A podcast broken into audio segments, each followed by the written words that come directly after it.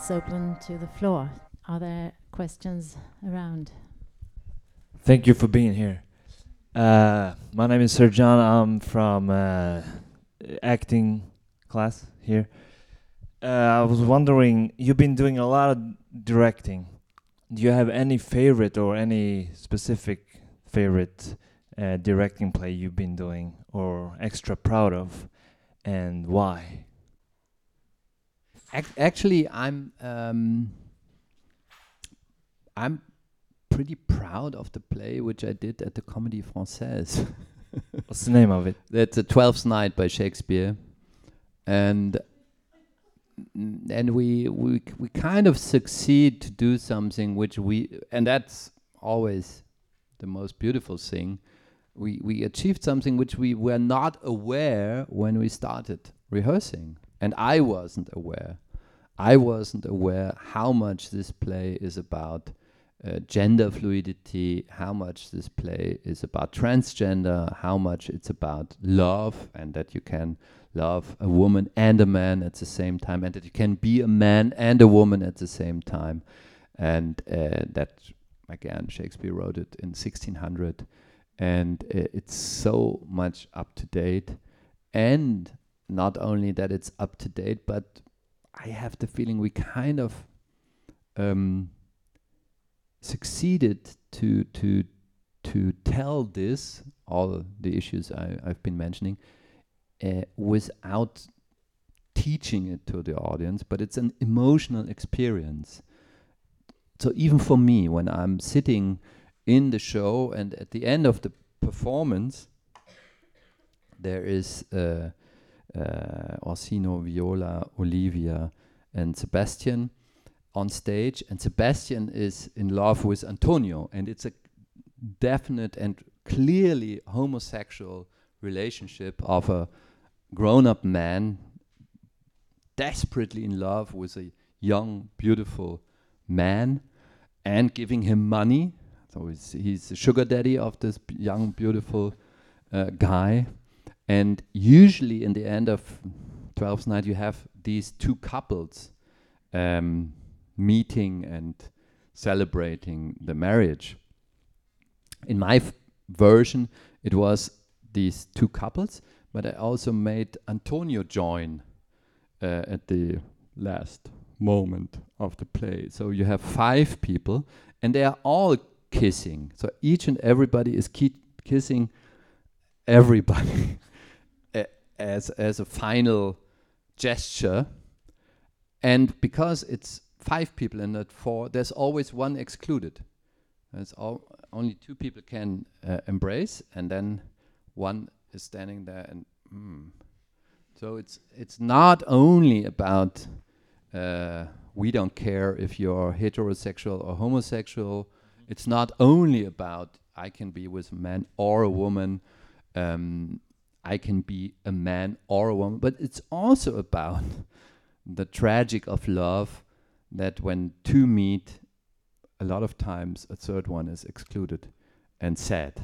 So th that's also something which all of a sudden happened during rehearsal because we and I was open to everything's happening. So he was on stage, this performer, and usually I would have asked him to leave because he's liberated in the end out of prison.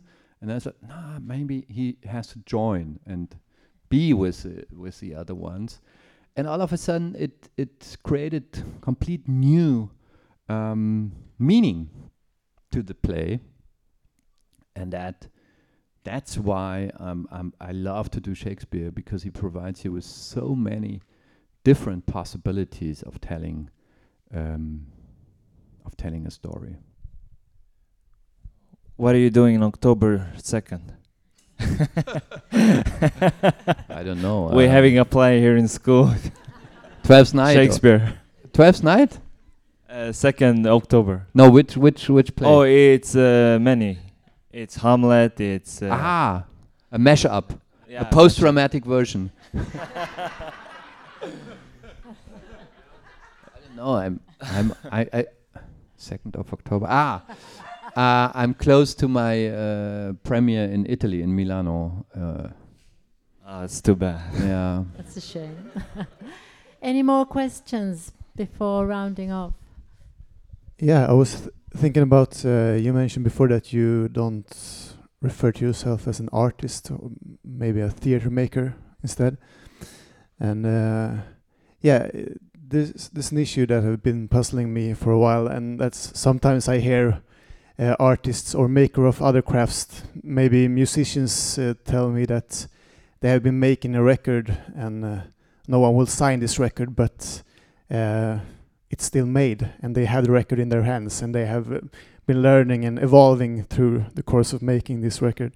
And maybe an example of Vincent van Gogh that he no one wants to buy his uh, paintings, but he's he's at his drawing board and constantly evolving through his life, and he has his painting in his own hands, and they were still made, and he was still evolving. So uh, my question is maybe is it possible? Do you think it's possible as an actor or theater maker to be able to formulate a kind of ongoing, evolving body of work, even if you're not part of a complex theater machinery that only you c- can own for yourself as an individual going through your life? Yeah, of course. I mean, you can start writing now. Oh. Yeah, but but then you become a writer, right? And then you leave the actor no or worry. there are a lot of uh, actors who became famous writers, amongst others Shakespeare and Molière. They were actors in the beginning, and then they became writers because they wanted to provide their company with good plays because the rest was shit. and they wrote their plays and and performed in it. uh. So there's in every Shakespeare play. Uh, theater scientists do have an idea which play in the play Shakespeare played, which role in the play. Um, so th- that's an option. But to um, answer your question in a, in a in a humoristic way, I think Van Gogh never worried about the question if he's an artist or not. Don't don't worry about this question. Yeah, but, it, but it could evolve. He he he evolved his paint in his, his style of painting evolved because he could paint. yes, But can you can you Yeah. make Yeah. make theater if you're Yes. not a part yes, of yes, if you yes, you can. You can always when you don't have alone in your room? Yes, of course. I when I uh, started as an actor myself, and then I decided to go to drama, uh, to the directing department at drama school. And at the time, I was part of uh, an ensemble with Einar Schleef, who was a very famous and very important German theater maker who died much too young at the age of 55. Uh, he had a heart attack. He was from East Germany and he did amazing theater, and I was in his ensemble. Uh, but then they accepted me at the Ernst Busch Schule. And um, then I had to tell this director that I'm going to leave his company and that I cannot uh, go on with the project. He was rehearsing for nine months, or a year, sometimes one and a half years for one project. So uh, for one day, I was circulating around a telephone cell. At the time, there were there weren't any uh, cell phones, so I was I, I, I, I, was not courageous enough to call him and to tell him I'm leaving. So in the end, I, I dropped the two coins, uh, zwei Groschen war es damals, um, and now because he was stuttering, you know, he was a genius, probably the only genius I ever met in my life, but he was stuttering.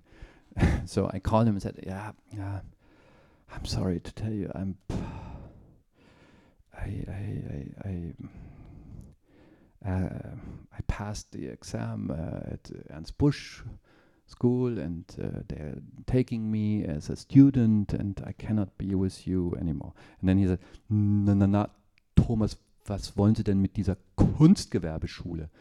What do you want with this kind of craft, uh, uh, how do you const relate, Yeah. Kunstgewerbeschule? Yeah. Sound- Artistic. Uh, Kunstgewerbeschule sounds Higher at- education, not. äh, Ja, Kunstgewerbe. Kunsthandwerk. Kunst, danke Björn. Äh, was wollen Sie denn auf dieser Kunsthandwerkschule? And then I, I, I, I, answered, uh, well, I feel like as if I have to still learn something about theater. And then he said, na, wenn Sie was lernen wollen, dann nehmen Sie eine Apfelsinenkiste, gehen Sie in den Keller, stellen sich drauf und nehmen Eintritt und tragen ein Gedicht vor, da lernen Sie mehr. so his answer was, if you want to learn something about theater, you take a Apfelsinenkiste, it's a box for yes. You take a Apfelsinenkiste and uh, uh, uh, you go into the cellar of your house. you put a candle, and uh, um, you you're, you're reciting a poem, and uh, you ask the people coming to pay uh, for it, and uh, then you learn much more than in any drama school in the world. Was that a good ending of this conversation? oh. I'm sorry. I'm sorry. Talking about this school, just one brief question before we finish. There are opera students here, there are musical uh, theatre students here. Have you ever considered staging opera? You were talking about music before and, and the power of music. Um, I'm always answering to this question why are you not doing opera? Uh, I'm always answering because I love music too much. meaning, Meaning that th- these institutions are monsters and they kill art and uh, they are anti art institutions um, and they are machines and uh, you have to. It's not an artistic place, uh, opera institutions, with some exceptions to the rule. But mostly you're asked when you are a Sprechtheatermacher, so a text-based uh, theater director, you are asked to join opera houses because they are desperate, because they don't find anybody to stage these old stories, which are not concerning anybody anymore. And uh, so they need a new reading, and so they need somebody who has an idea for a stage design which looks contemporary or modern. And so they ask anybody to do this fine artists, theater directors, everybody, film directors, everybody is asked, choreographers, uh, video artists, everybody is asked to reanimate this dead art form. Oh, should we finish by this? Rebecca, are we are we done? Should we close Who's, this who's off? a part of the opera department Many here? of them. I'm sorry. Yeah, you you are bringing the change, of course. you are buying him drinks afterwards, right? No, you can make a change. Make a change. Make a change. Make a change. Yeah, make it's very important. It's it's it's so important. Especially don't let yourself be trapped in this dispositorische nightmare. You, know, you have yeah, you meet when when you do I, I I was asked to work at the Metropolitan Opera. I was asked to do the Ring in Bayreuth. I was asked to work in Aix-en-Provence, uh, in Bastille in Paris. And I approach them and I start to talk about and then I find out okay, the main singer, the protagonist is rehearsing with me 5 days. Mm-hmm. 8 days. Mm-hmm. Usually I'm I'm rehearsing for 8 weeks at least. Mm.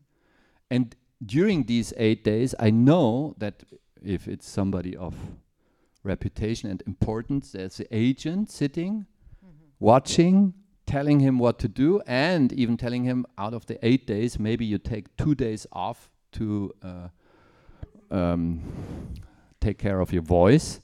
Um, and it, it's so difficult to get into a, a process of uh, communication.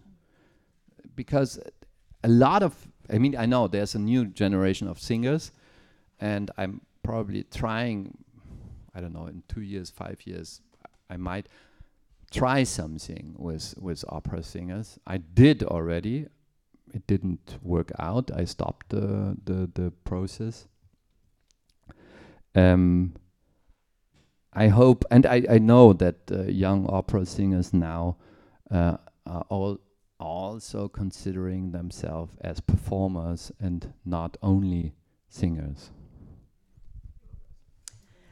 So let's go and have a drink. Uh, but before then, before then, um, if you would have been uh, uh, in October, you would have received a beautiful hat and a beautiful ring and a beautiful dinner.